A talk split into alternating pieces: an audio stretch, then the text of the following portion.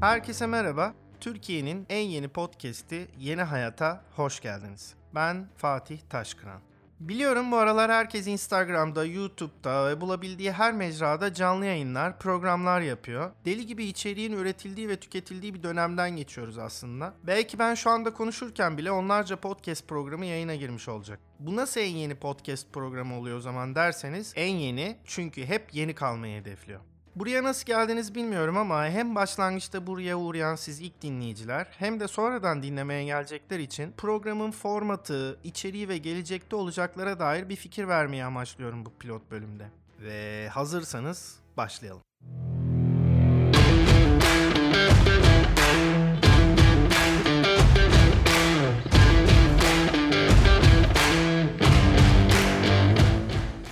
Malum korona günlerinde herkesin psikolojisi darmadağın oldu. E, genel olarak zaten yeterince normal olduğumuz söylenemez ama ben bu durumda birkaç psikoloji birden gözlemliyorum. Normal zamanlarda eşimizle, dostumuzla gündemde ne varsa onu tartışıyoruz ama neredeyse son iki aydır gece gündüz bu konudan bahsediyoruz. Ben bu programda inatçı biri olarak herkesin konuştuğu ve gündemde olan konulara girmemek ve biraz olsun hepimizi bu gündemlerden ve hayatın sıkıcı yanlarından uzaklaştırmak için elimden geleni yapacağım. E, bu arada hazır bahsi geçmişken programın adı içinden geçtiğimiz bu salgın dönemi ve sonrasına dair öngörülerle alakalı değil. Programın adı en sevdiğim yazarlardan biri olan Orhan Pamuk'un kitaplarından biri olan Yeni Hayat'tan geliyor. Bir gün bir kitap okudum ve bütün hayatım değişti. İşte Yeni Hayat kitabına Orhan Pamuk böyle coşkulu bir cümleyle başlıyor. Kitabın geri kalanı da benzer şekilde devam ediyor. Eğer okumadıysanız tavsiye ederim. Bu program sizin hayatınızı değiştirir mi bilmiyorum ama benim bunu vaat etmediğim kesin. Başlangıçta bu konuda anlaşalım.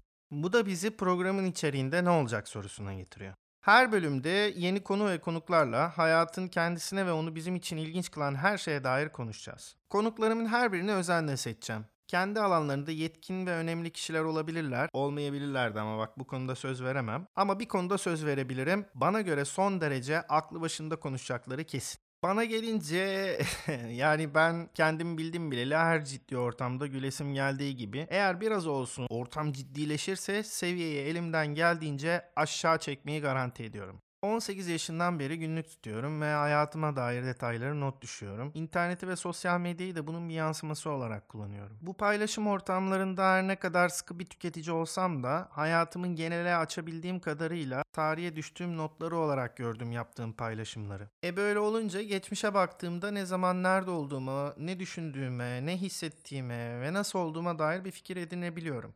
Bu programı da öyle düşünebilirsiniz aslında. Tek farkı bu maceraya konuklarımı ve siz dinleyenleri de katıyorum. Özetle 2020 başında planladığımız bu programa temelinde merak ve eğlence olan hayata dair her şeyi bu vesileyle taşımış olmak istedim. Bir aksilik olmazsa her pazartesi günü yeni bir bölümle, yeni konu ve konuklarla karşınızda olmayı hedefliyorum. Programın formatına dair olmayacak tek şey ise sabitlik. Zira adı üstünde burada her şey yeni olacak. Dolayısıyla bu programda her an her şey olabilir. Buna hazırlıklı olun. Bu kadar esneklik ve larçlıkla büyük bir risk aldığımı da kabul ediyorum.